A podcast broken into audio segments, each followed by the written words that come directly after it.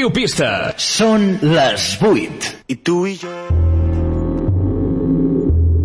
Quan tot està perdut, quan les cendres de la nostra civilització són el paisatge perfecte d'un futur distòpic, quan la humanitat és només un record i el futur està més present al passat que no pas al futur, tres éssers postapocalíptics en un desert de pols desconfiadament es miren pensant. Qui serà el primer a dir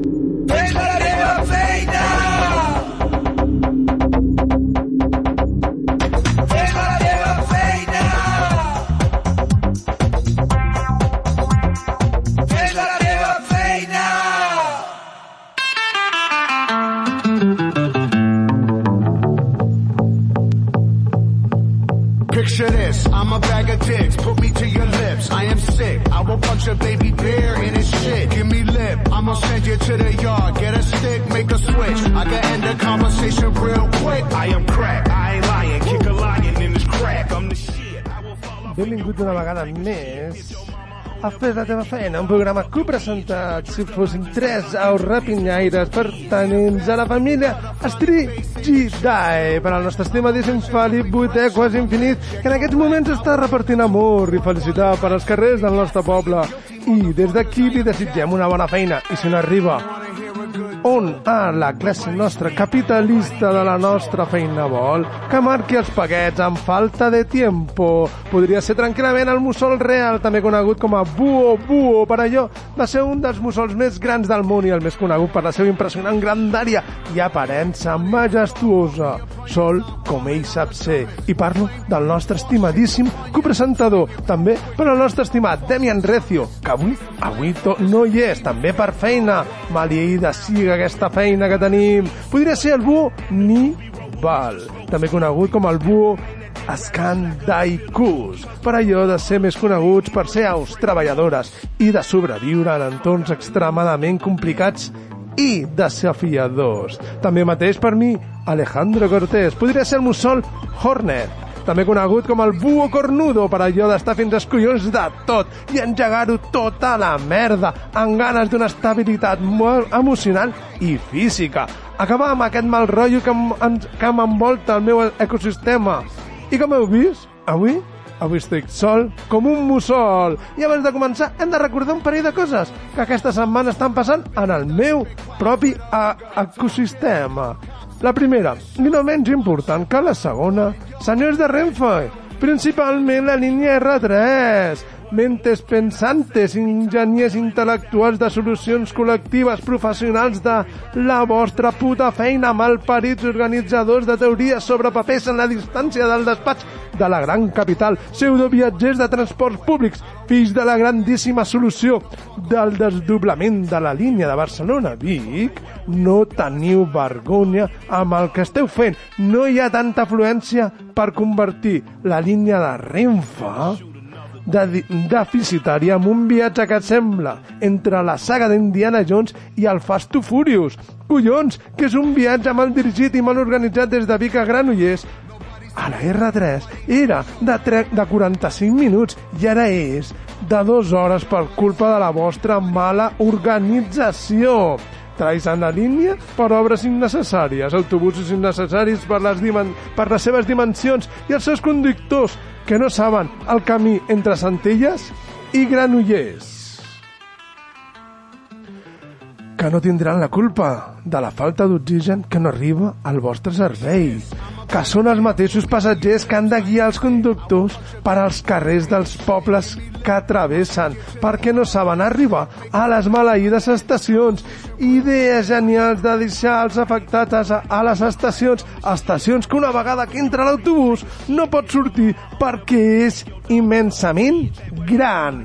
Si us plau, feia falta fer aquestes obres per quedar-se un tant per cent dels pressupostos. Collons! Feu com tots, robeu a mans plenes, però no torqueu a la ciutadania. I parlant de ciutadania, la segona cosa, i no menys important que la primera, per ser la última, escolteu-me bé, usuaris de les compres d'internet, viciosos de les ofertes ràpides de les tendes digitals que utilitzeu com a medi de servei públic a de l'Espanya única i lliure, que aquesta setmana la culpa de que no tingués el paquet el mateix dia no és culpa del carter, que ell, com jo, no tenim la culpa de otra mente pensante, a falta d'oxigen, en recordeu-se?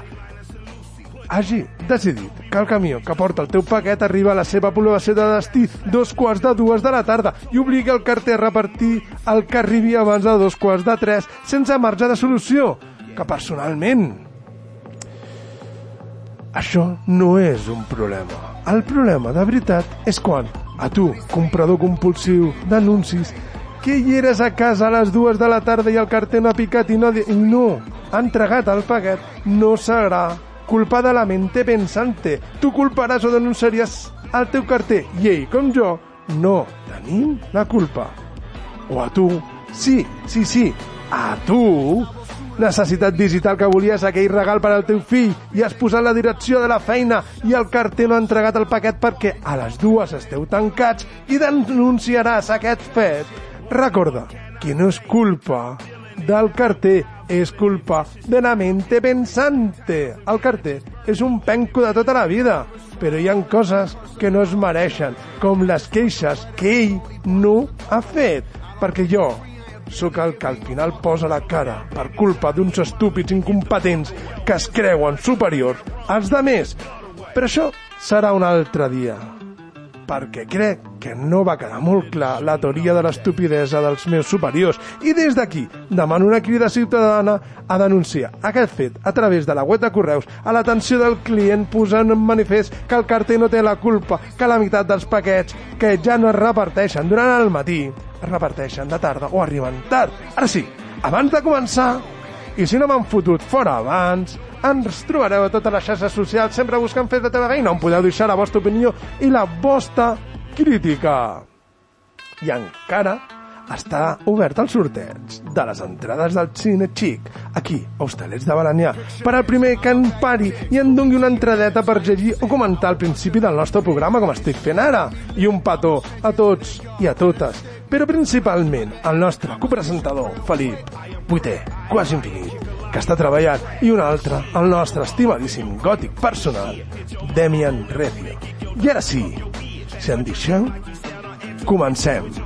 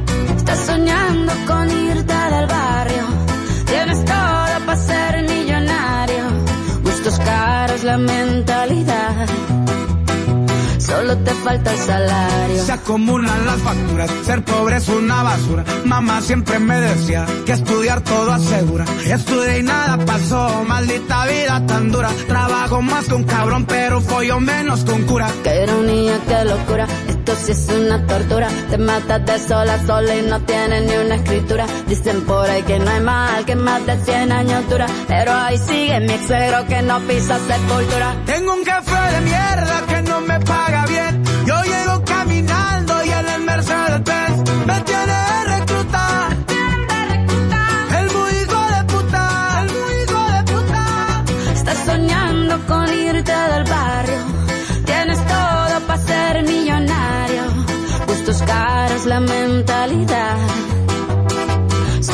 falta el salario. Tienes un jefe de mierda que no te paga bien. Tú llegas caminando y en la Mercedes Benz te tiene de reclutar.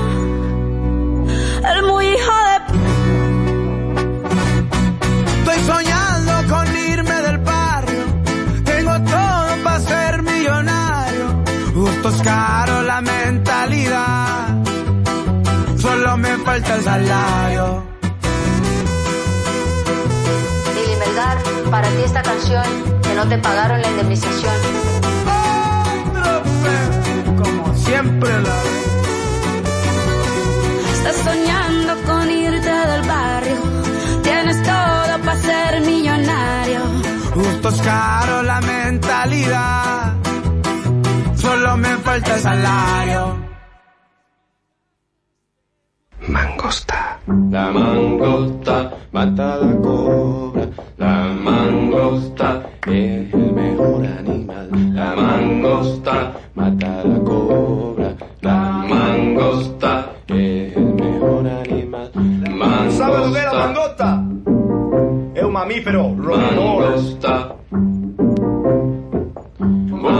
Mangosta. si quiere recoger. Mangosta. si quiere recoger. Mangosta. si quiere recoger. Mangosta. Mangosta. si quiere recoger. Mangosta. si quiere recoger. Hoy en Mangosta. Mangosta. si quiere recoger. I si Alemanya hagués guanyat la Segona Guerra Mundial?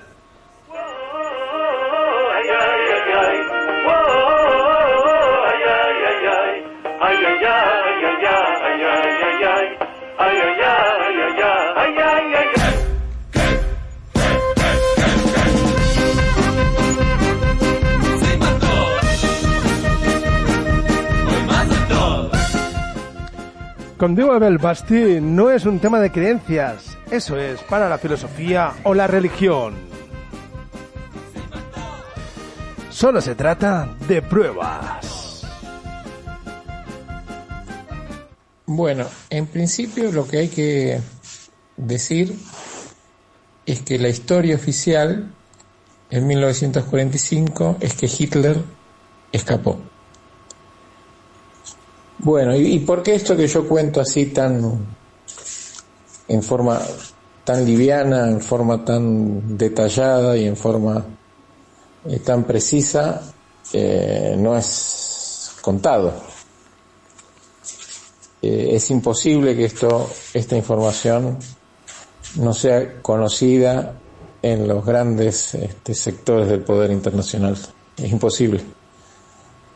Eh, hay abundante información sobre la vida de Hitler después de, la guerra. Bueno, en mi último libro, las fotos de Hitler después de la guerra, sí, precisamente es el título. Así que no solo hay documentos oficiales, hay documentos privados, hay imágenes y hay testimonios.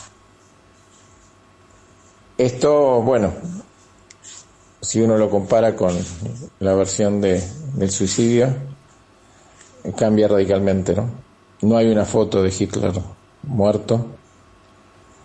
Debería haberla habido, como la de Mussolini, porque los nazis tenían interés en, en demostrar su muerte, pero no hay foto de Hitler muerto, no hay foto de sus autopsias, no hay este, pericias que hayan detectado en el búnker lo que fue o habría sido un doble suicidio, no hay ningún rastro, no hay arma asesina, eh, suicida, perdón, o asesina en el caso de que muchos sup- suponían que lo habían matado.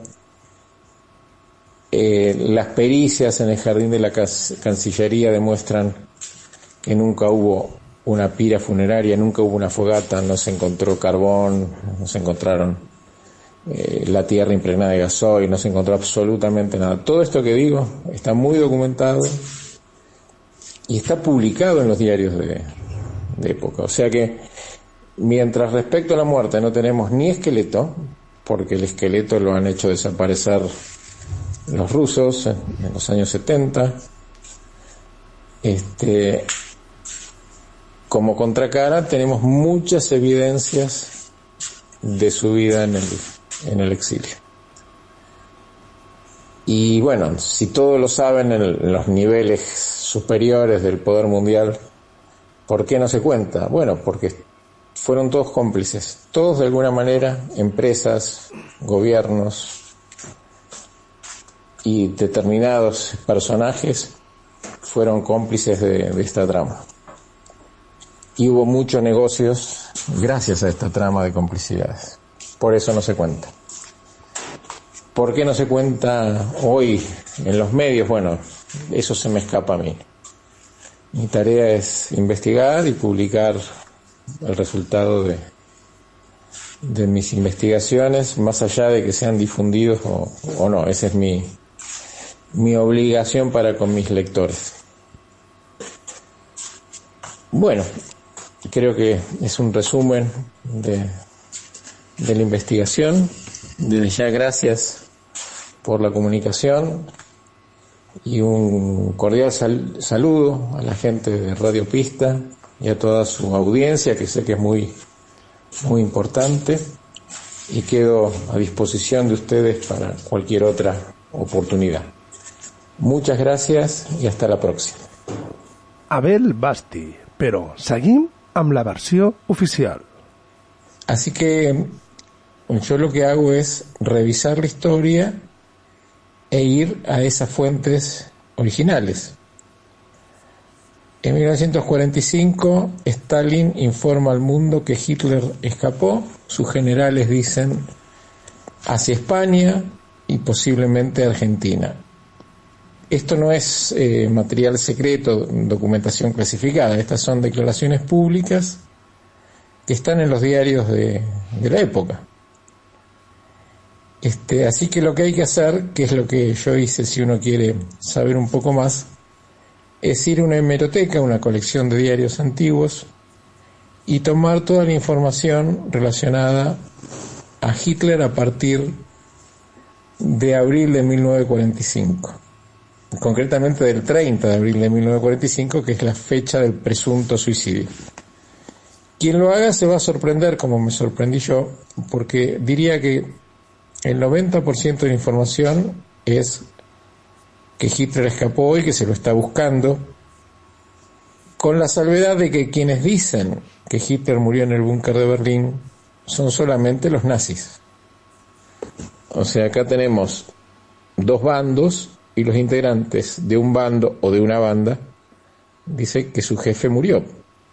Pero son ellos quienes, quienes los dicen, no hay eh, testimonios de otro de, de, otra parte que no sea del bando que está perdiendo la guerra. Y la información además es la siguiente. No hay un acta de función de Hitler. Hay una autopsia a un cadáver, pero dice que sería presuntamente de Hitler, porque la autopsia tampoco puede identificar el cadáver, porque estaba totalmente quemado y no hubo forma de, de identificarlo.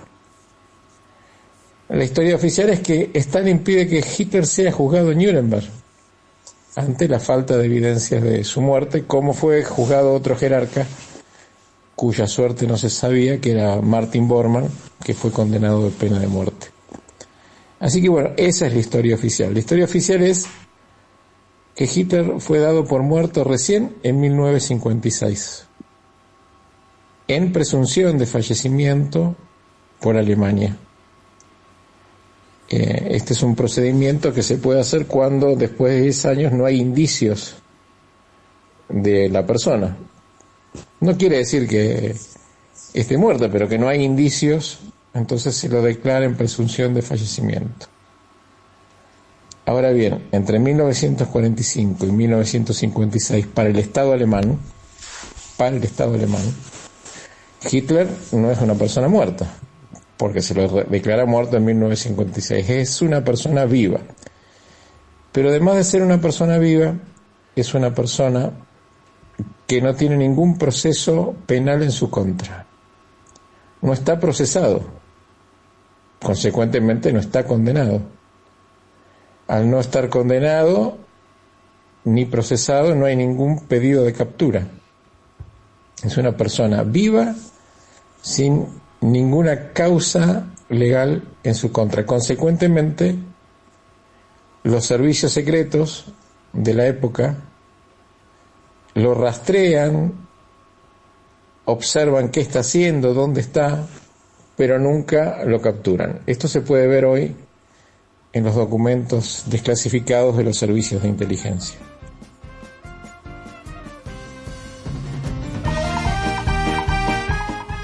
I d'on he tret, o d'on ve tota aquesta història? Tots aquests àudios del programa d'avui? Doncs bé, tota la culpa té... la té? És a dir, tota la culpa aquesta conspirativa la té el meu fill. I sabeu per què la té el meu fill?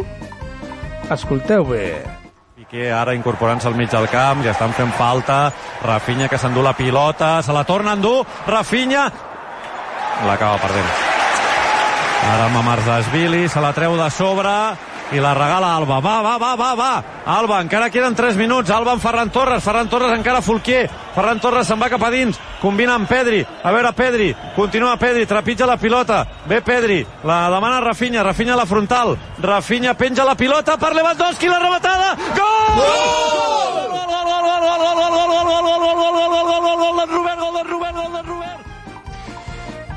Ai, l'àvia de Lewandowski. Qui ho diria, eh, senyor Lewandowski? La teoria, parlant d'una teoria conspirativa molt popular sobre Robert Lewandowski, l'atacant polonès del Club de Futbol Barcelona.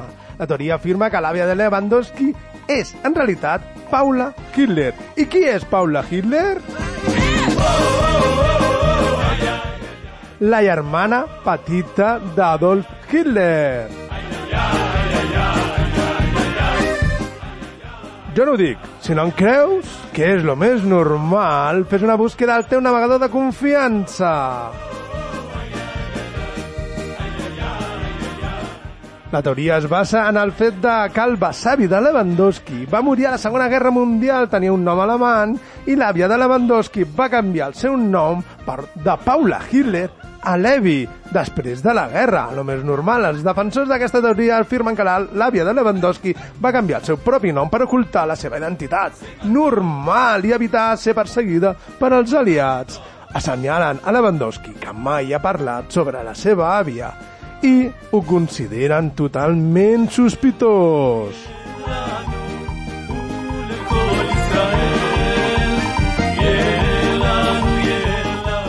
Les proves.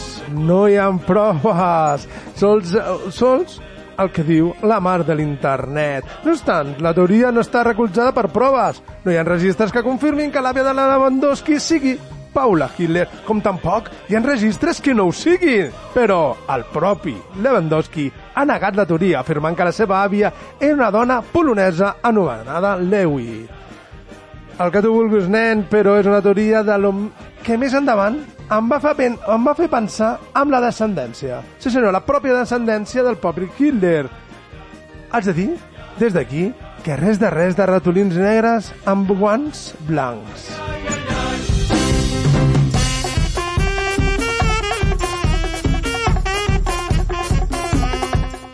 Hitler vivió en el exilio su segunda vida, así se llama un, uno de mis libros. Yo he escrito 11 libros sobre este tema, uno se llama La segunda vida de Hitler. Vivió en el exilio, obviamente bajo identidades falsas, con su mujer, Eva Braun, protegido por este pacto mm, alcanzado con, con los Estados Unidos. Todos los servicios secretos del mundo sabían que Hitler había escapado, todos los servicios secretos del mundo lo tenían en, en la mira. Hoy lo podemos ver en los archivos desclasificados de, de estos servicios. Generalmente eh, vivió en lugares eh, alejados, en estancias. Había en Bariloche dos lugares, eh, uno era la estancia San Ramón y otro era un, una mansión, un, un, complejo de montaña que se llamaba Inalco. Y tuvo otras residencias este, alternativas, generalmente. Pero también esto no implicaba que se quedara fijo en esos lugares, todo lo contrario, tuvo una vida activa, se movía en distintas partes de, de Argentina, también fuera de Argentina. Esto lo cuento en, en mis libros. Mantuvo reuniones con empresarios, con políticos, con militares, obviamente con sus viejos camaradas. Y eh, sí trajo también, o trajeron ellos el matrimonio a sus hijos. Yo por los testimonios que tengo, en particular un- una persona que era amiga de, esta gente, un hijo varón, el más, el menor, y dos hijas mujeres. Eh, que también vivieron en forma, con identidad falsa obviamente, y en forma alternativa en Argentina, Paraguay y Brasil. Eh, de esos tres, solamente una de las mujeres tuvo descendencia que serían las nietas de Hitler. Esa es la, la historia familiar.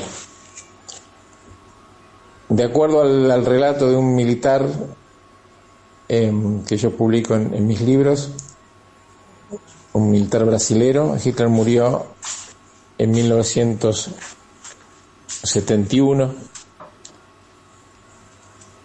eh, ya mayor, bastante lúcido hasta el final de, de sus días. Toda la propaganda nazi lo mostró en 1945 como un hombre acabado. La verdad que no estaba acabado. El- la figura que aparece como muy vieja, según el testimonio de los testigos, con, con grandes males de salud y psíquicos, es uno de sus dobles. Tenía varios dobles Hitler. Con uno de esos dobles simuló su muerte. Este, murió en, en Sudamérica, fue enterrado en Paraguay. Hay una cripta en Paraguay, una cripta subterránea, donde permanecen su- sus restos. Una cripta que hace algunos años ha sido sellada, por decirlo de alguna manera, como para que nadie pueda acceder a la parte eh, subterránea. Pero ahí está, está su cuerpo. No fue cremado, sino que eh, su- sus restos se, se conservan al día de hoy.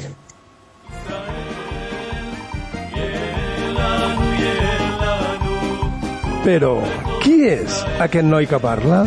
Qui és aquest Abel Basti? Em a mi que és molt millor que es presenti ell mateix.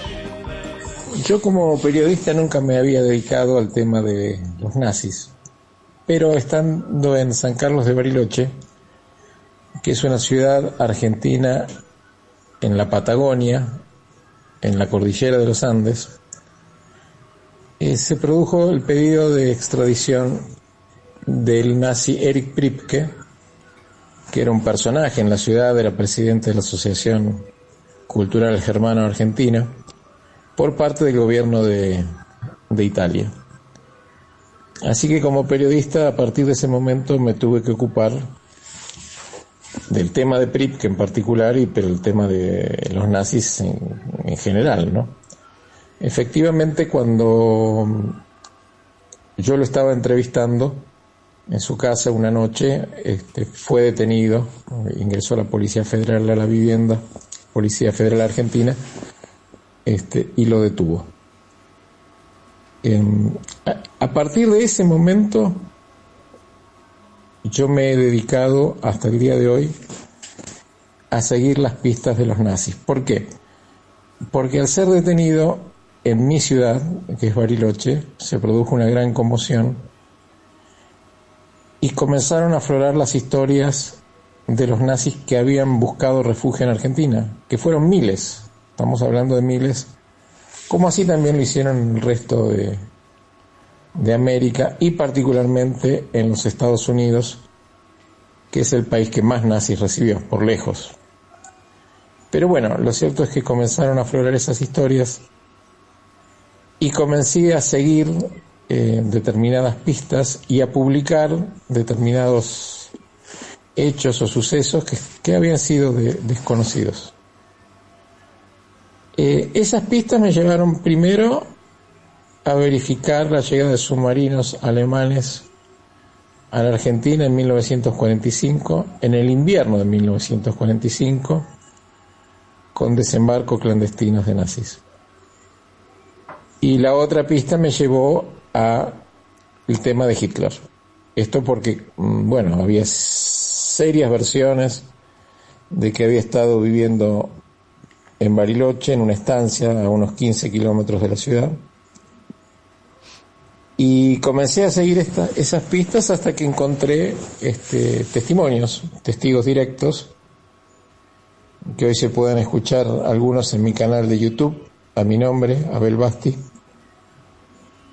Y al tener esos testigos directos, eh, bueno, ya comencé a creer en la posibilidad de que Hitler hubiera escapado. Por un lado tenía el estudio de, información pública de, los años 45 que decía que no había evidencia de que Hitler se, hubiera suicidado. Comenzaron a apa- aparecer estos testimonios y bueno, fui siguiendo testimonio tras testimonio, me iban llevando uno a otro y la calidad y jerarquía de los testimonios me fue convenciendo de que sí había huido y que había vivido por años en, en Argentina.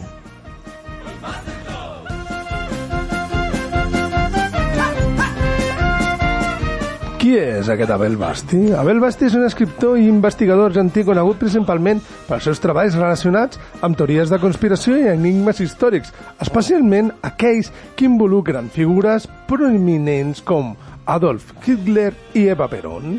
Al llarg de la seva carrera ha guanyat notorietat per als seus llibres que proposen teories alternatives sobre esdeveniments històrics i personatges històrics famosos. No obstant, això és important assenyalar que moltes de les seves teories són altament controvertides i no tenen evidència sòlida. Un dels temes més destacats de l'obra d'Abel Basti és la seva investigació sobre la suposada supervivència d'Adolf Hitler després de la, de la Segona Guerra Mundial. Al seu llibre Bariloche Nazi, la, la, la huida de Hitler i otros nazis a Argentina, tots i quasi tots els llibres són de l'editorial Planeta, un editorial de renom. Basti assegura que Hitler va escapar de Berlín i es va refugiar a Argentina passant per Espanya. Aquestes afirmacions estan, ha- han estat àmpliament criticades i des descartades per historiadors i experts en la Segona Guerra Mundial que argumenten que hi ha evidència concloent de la mort de Hitler al seu búnquer de Berlín en 1945. Abel Basti ha escrit sobre Eva Perón i ha plantejat teories que suggereixen suggereixen que tenia conèixer, connexions amb els nazis i estava involucrada en activitats d'espionatge. Però com diu Abel Basti, ho he dit al principi, no és un tema de creencias. Eso es para la filosofía y o la religión. Se trata de pruebas.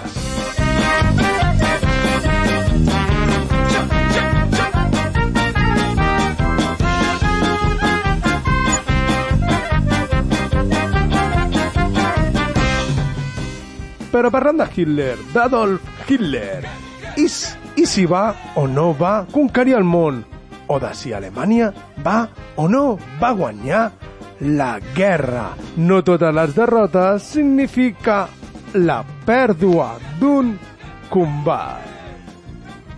En principio hay que decir que la huida de Hitler no es un hecho sorpresivo, apresurado, de última hora, eh, sin programar, eh, no, por el contrario. Cuando los nazis no pueden tomar Rusia, hablamos de 1942, eh, ya Hitler sabe que está peleando contra todo el mundo y eh, que tiene que tener como buen estratega que era un plan B. El plan A es ganar la guerra, el plan B es en caso de que se pierda, ¿qué se hace? ¿Y qué se hace? Bueno, se prepara un, un plan de huida, hay que salvar los capitales, hay que salvar la tecnología, hay que sal- al salvar los procesos industriales, hay que salvar los hombres, hay que garantizar una vida posterior del fin de la guerra. Ese plan se prepara en compartimientos estancos donde quien trabaja en el programa, por ejemplo, de evasión de divisas, no conoce el programa de evasión de tecnología. Y así, son compartimentos estancos con jefes, subjefes, etcétera, etcétera. Pero además, obviamente, el plan tiene previsto tiempos, eh, lugares de destino, formas de traslado, alternativas, etcétera, etcétera, etcétera. En ese plan se prevé la Patagonia para Hitler. Previo paso por España, efectivamente, la salida de, de Hitler es por España para poder abordar un submarino y trasladarse a la Argentina. ¿Por qué España no y por qué Argentina sí?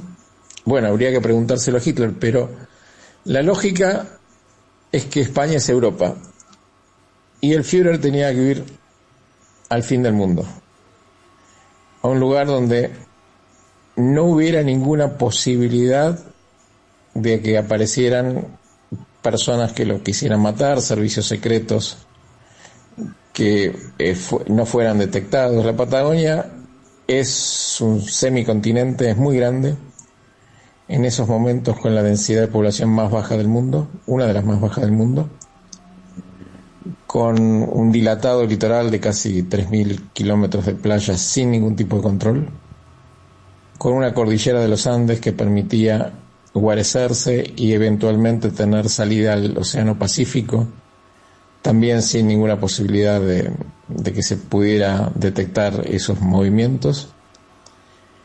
Y además con colonias alemanas preexistentes que tenían compañías de barcos de ultramar, que tenían grandes estancias, que tenían gran poder económico.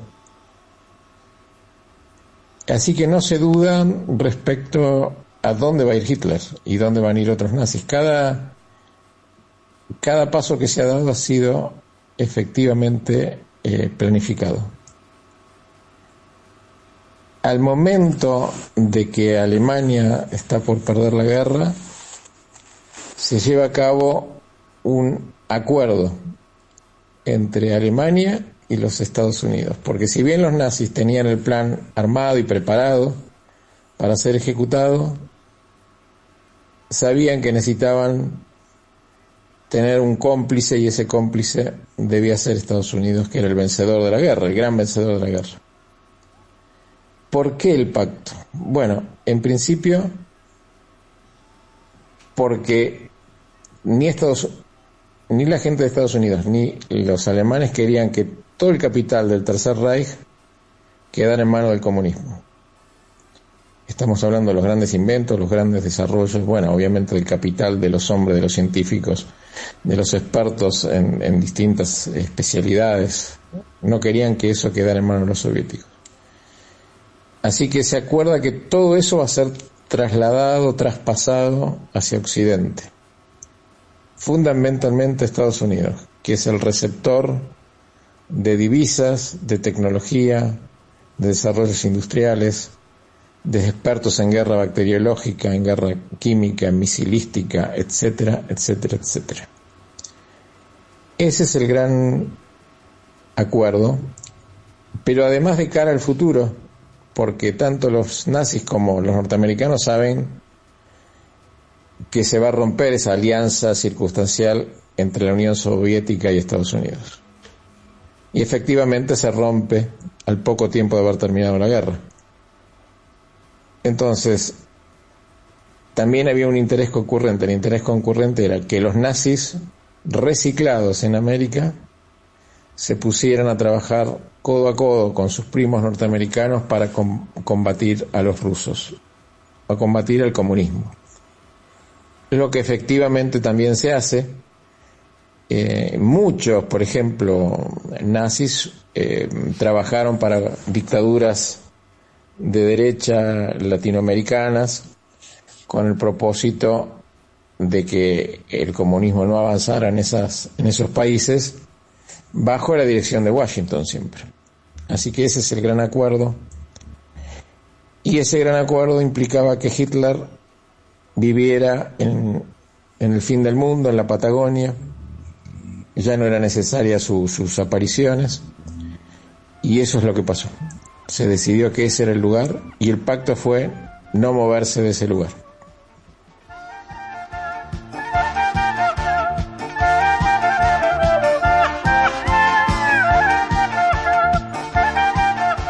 Si hem de parlar d'Alemanya, hem de parlar del que va ser anomenat canciller imperial al gener del 1933 i un any després, a la mort del president Paul von Hindenburg es va autoproclamar líder i canceller imperial, el Führer, assumint així el comandament suprem de l'estat germà.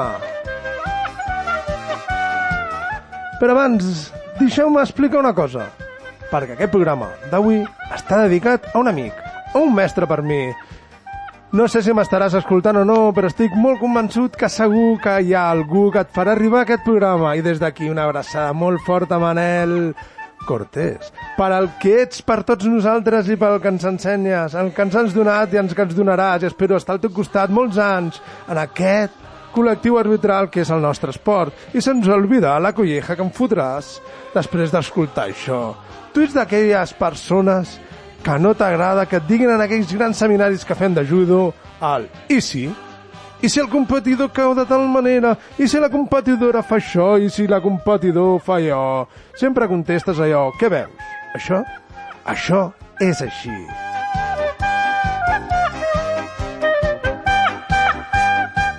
Alguna vegada he pensat que diries alguna paraula malsonant, però tens molta paciència i educació. Però avui, avui voldria preguntar-te, tu Manel, i el nostre únic gent, a l'Aitor i en Demian, coneixent els fets correguts o correguts entre 1939 i 1945 i principalment el 30 d'abril de 1945 a les instal·lacions del Führerbank, més conegut com el refugi antiaeri situat al costat de la Cancelleria del Reich a Berlín. Crec que ja saps de què estic parlant. Doncs bé, i si Alemanya hagués guanyat la Segona Guerra Mundial? I si Adolf Hitler no hagués mort en aquell búnquer? La, saps la resposta? Doncs anem per parts. La pregunta correcta és Hitler va conquerir el món?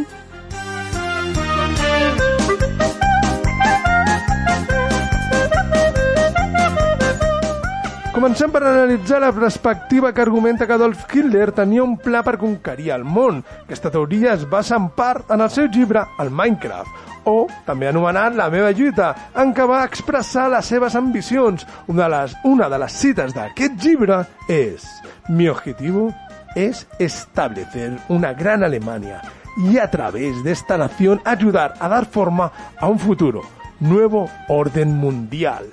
A la meva lluita, Hitler argumenta que Alemanya ha, ha de convertir-se en una potència mundial, eliminant a la Gran Bretanya com a competidora. A més, advoca per una aliança amb els Estats Units per derrocar el comunisme de l'antiga Unió Soviètica. Aquests enfocaments de conquesta mundial és citat per als, per als que sostenen que Hitler tenia una visió global i ambiciosa.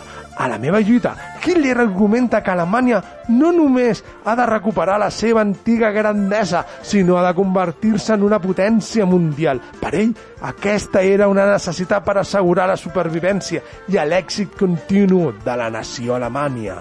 Veia Alemanya com un líder, una nova era i creia que havia d'eliminar Gran Bretanya com a competidora de la seva de l'escena internacional.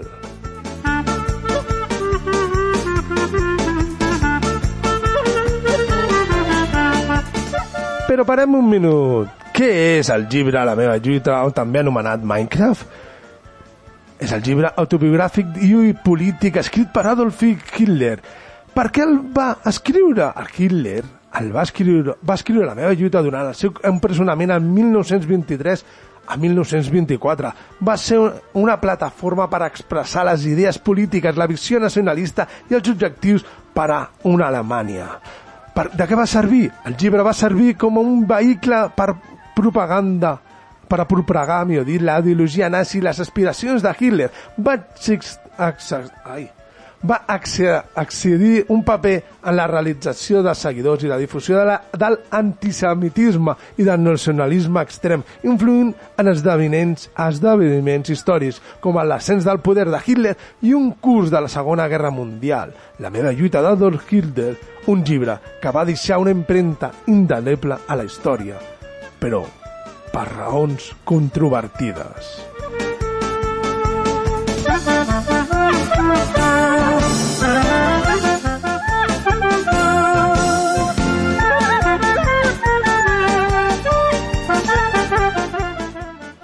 Durant els mítings i els discursos polítics, Hitler enfatitzava repetidament la seva visió d'un nou ordre mundial sota el lideratge alemany. Sostenia que Alemanya tenia la responsabilitat d'establir un, un nou ordre i que s'havia d'expandir per aconseguir-ho. Com a part del pla d'expansió, Hitler va buscar l'anexió de territoris a Europa de l'Est, com a Polònia i la Unió Soviètica, per assegurar recursos i espai vital per a la població alemanya. Aquesta expansió territorial va ser una part clau de la seva estratègia per convertir Alemanya en una potència glo- global. Hitler també promovia la idea d'un- d'una gran Alemanya que incloïa no només territoris alemanys històrics, sinó també àrees addicionals conquerides a través de la guerra.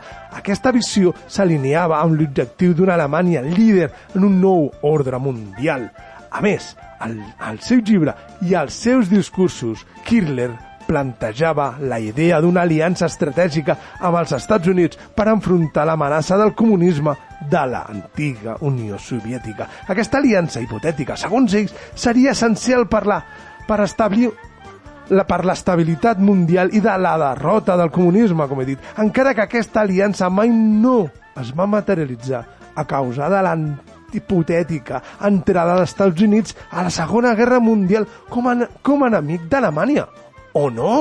Aquesta boixa teoria de que Hitler tenia o no tenia un pla per conquerir el món comença anys després de la fi de la Segona Guerra Mundial i apareixen dues escoles de pensament oposades entre elles.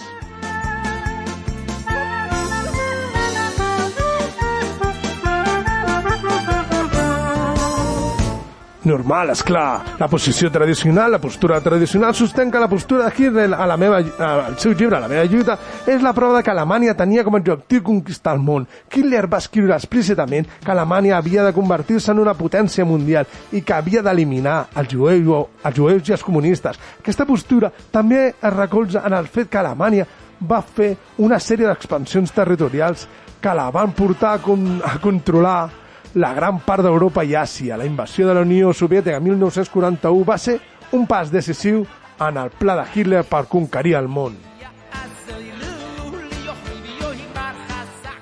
La postura ra revisionista sosté que Hitler era un estadista, un estadista tradicional que cercava expandir el poder d'Alemanya però que no tenia com a objectiu conquerir el món. Aquesta postura es basa en el fet que Hitler no sempre va actuar de manera coherent amb la seva ideologia i que de vegades va fer concessions per mantenir la pau. Per exemple, Hitler es va negar a invair França en 1936, quan França estava debilitada, debilitada per la Guerra Civil Espanyola. També es va negar a invair Gran Bretanya en 1940, quan Alemanya tenia l'oportunitat de fer-ho.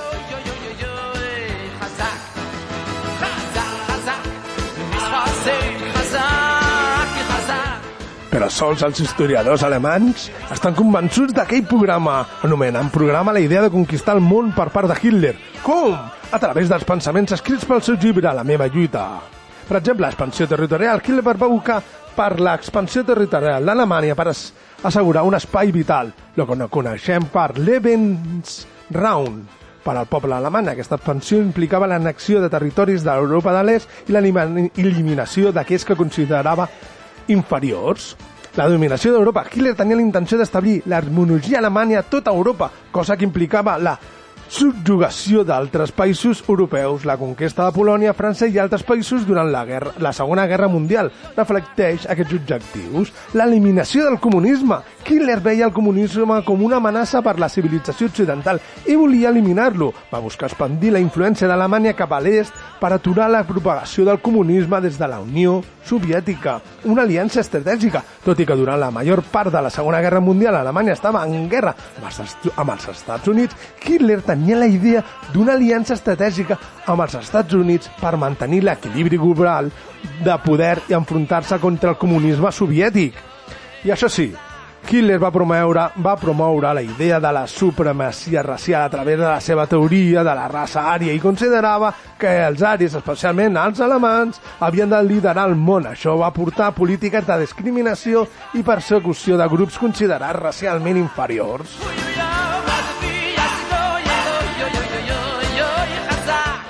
A més a més, parlar de pensaments escrits en el seu llibre hem d'incloure l'enfocament psicohistòric que vindria a ser l'odi i la venjança de Hitler, que tracta principalment de la seva no acceptació de la derrota d'Alemanya en la Primera Guerra Mundial i la humiliació en el Tratado de Versalles.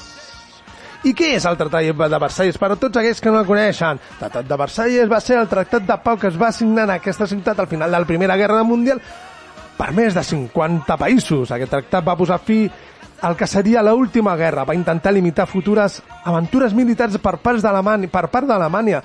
El tractat de Versalles va ser un tractat de pau molt dur i humiliant que tractava de, que tractar d'obligar Alemanya a perdre territori, a reduir el seu exèrcit i a pagar les reparacions de guerra a, vale, més o menys de per 226.000 milions de marcs en or al, per als altres països. El Tractat de Varsella va tenir un impacte profund a la societat alemana. El tractat va ser vist com una injustícia i una humiliació i va generar un sentiment de ressentiment, de ressentiment i revenjança entre la població alemana. Aquest sentiment de ressentiment va ser aprofitat per als nazis que van utilitzar aquest tractat com un boc expiatori per a les seves pròpies finalitats polítiques.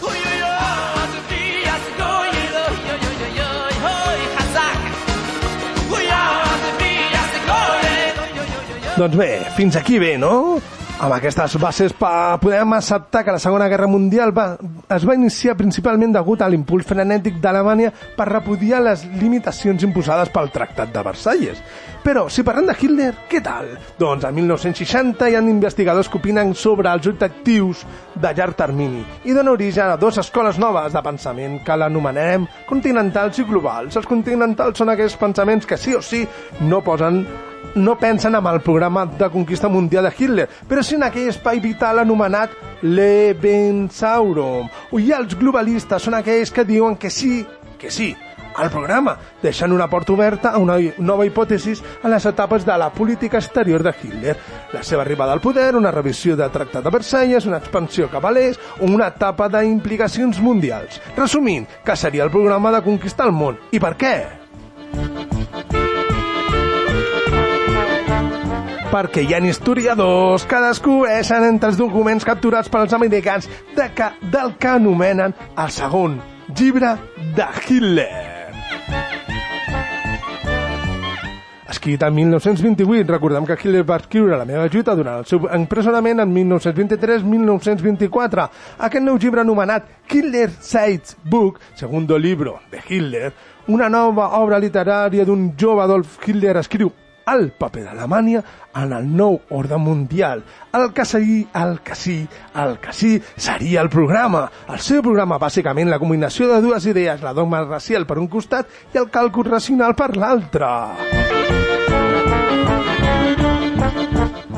Lo primer seria el petit problema amb la raça ària, el darwinisme social i antisemitisme patològic. La segona és la defensa de la idea principal del programa, que consisteix en tres etapes. La primera, el naixement, el naixement d'un imperi alemany recuperant el perdut en la Primera Guerra Mundial. La segona etapa, la consolidació, aconseguir aquell espai vital a través de les negociacions amb els anglesos de les colònies britàniques a Àfrica, la derrota de França i la derrota de la Unió Soviètica. Com he dit, l'espai vital en, en l'est del Mediterrani i Orient Mitjà fins a arribar a la Índia, amb l'objectiu de controlar pous de petroli d'Iraq i del Golf Pèrsic.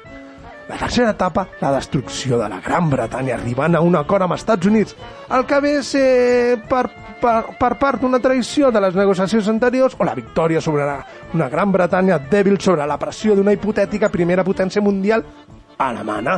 I l'aliança en Japó, en Japó perdó, per dividir la Unió Soviètica en, per al paral·lel 70 amb, amb un acord secret firmat el 18 de gener de, mil, de 1942 amb un petit detall que molts historiadors passen per alt en aquest llibre, i parlo del llibre anomenat Hitler's White Book, el segundo libro de Hitler, que repeteix diverses vegades que Alemania o se hace una potencia mundial o dejará de existir.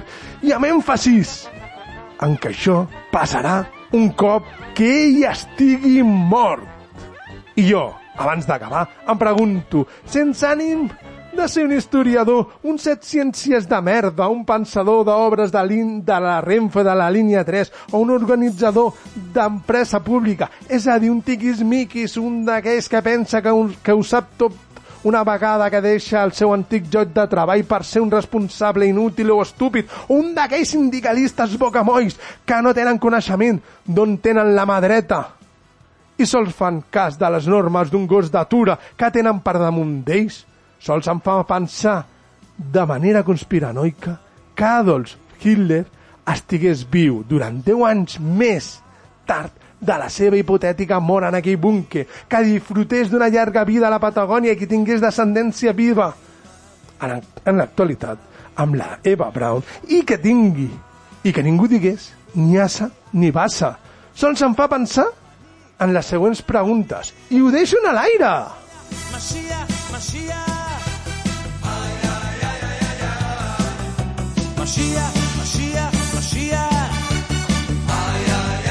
Sí, sí, preguntes en l'aire. Qui governa ara mateix en Europa? Què se sap de què a Anglaterra amb aquell Brexit? I què va passar amb aquell Estats Units i la Guerra Freda d'aquella antiga Unió Soviètica?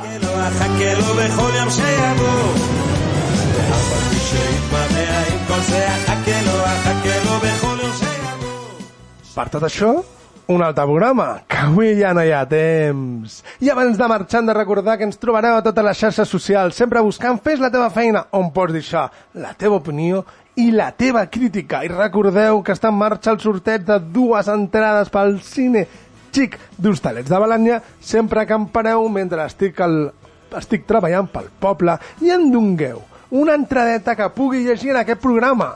I des d'aquí, una abraçada molt forta per al nostre estimat Felip VIII quasi infinit i el nostre estimadíssim gòtic de confiança, Demian Recio, i per tots aquells que avui han volgut passar una estona amb l'avorrit i toca collons de l'Alejandro Cortés, que avui està més sol que un mussol. אף על פי שיתמרמע עם כל זה, החכה לו, החכה לו בכל יום שיבוא. i ara sí, ens n'anem amb aquesta cançó. Shea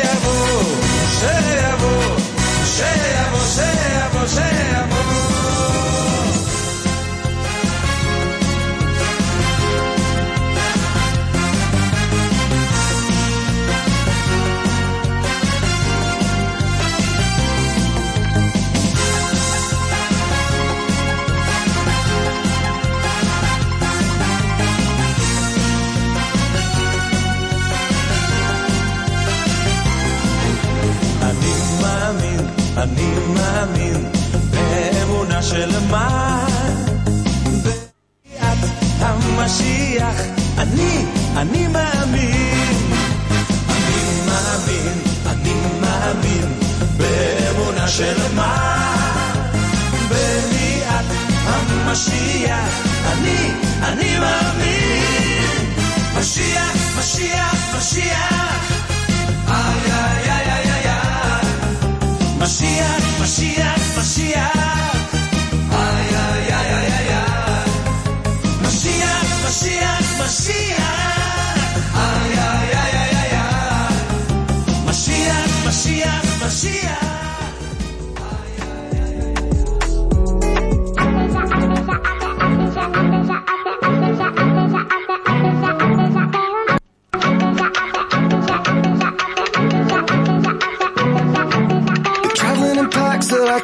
Anymore. But waiting for somebody else to carry me. There's nothing that's there for me at my door. All the people I know aren't who they used to be. And if I try to change my life one more day, there would be nobody. Ràdio Pista. Són les 9. A Ràdio Pista no tenim pressa, però tampoc pausa. 45 minuts de música sense interrupció.